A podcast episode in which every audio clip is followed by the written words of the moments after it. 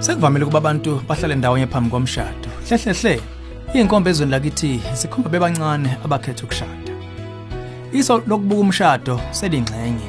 Yiziphi inkuthazo zomshado nokuzuzwa kuwo nokuthi kungani ababeli kumele bawulangazele na?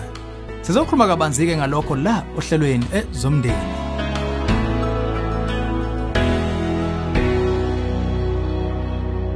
Angithathe ithuba ngikubengelele. Ezomndeni uhlelo kulethela izeluleko eziphathekayo ngabaka focus on the family. Umlaleli usibuza umbuzo phambilini ovamile uthe ngakuba ukuhlala ndawonye phambi komshado kukuhlola okuhle ukuba niyokwazi yini ukuphila ndawonye emshadweni.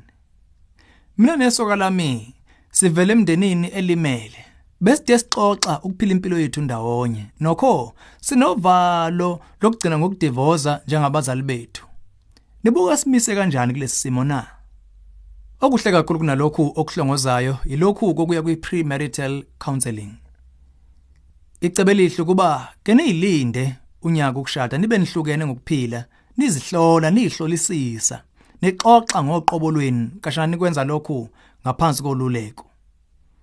Ekudlulisweni kumKristu ofundele zokululeka ngomshado ngakini, zizwele ukhululekile ukufona umnyango wezokululeka kwa focus on the family. Abaluleki bethu bojabula ukuxoxa nawe ngocingo. Qede bakuyelo seduze nawe onganisiza nesoka lakho kuze nigcine emshadweni omuhle. Ukuxoxa nongakusiza shayela ku 031 716 3300. Ekwengezeni ngokuusizo lokweluleka kusemqoka ukuvumela isikhathi esanele kubudlane benu kuba buqine futhi buqhele encindezini zokunamathelana ngokwenyama. Unyaka awumude neze uma uyimisele ukubeka impilo yakho yonke kulomuntu nindawonye. Abasuke bengena othandweni abaningi bayaxhamazela bese kuphetha ngemiphumela ngemihleneze. Kuyasiza futhi kuba umuntu eqe ko 20 eminyaka kuyila eqala jule ngeinkulumo zomshado. Ucwaningo lukhombisa ukuthi abashade bengaphezulu kuka 23 weminyaka banamathuba amancane ezahlukaniso kunalabo abanqoma ingqomo zobudala bese ngaphansi kwaleyo minyaka. Masiyanqoke manje embuzweni obuzile. Sinezathu ezinhle ukukholwa ukuthi kungani kungekuhle ukuhlala ndawonye phambi komshado. Okokuqala, izibalo ziyaphika. Wena nesoka lakho ningayitshela ukuthi indlela enhle leyo yokuthola ukuba ninayo yini nawo yinamava okwazi kwakho umshado oqinile. Dlana thizeni lokho kungabuya kukuhlawumbisela okuhle. Kunalokho eqinisweni ukuzwa nje amazwi ngobhoko kuzokwenza ugxume kakhulu. Ukucwaningo futhi luthi ingxenye yabaqala ngokuhlala ndawonye phambi komshado yibo abaseqhulwini lwezahlukaniso. Bavamise ukuba seyibaleni ezinkulu zokula kwasekhaya nokuhambana ngemumva kwezocansi.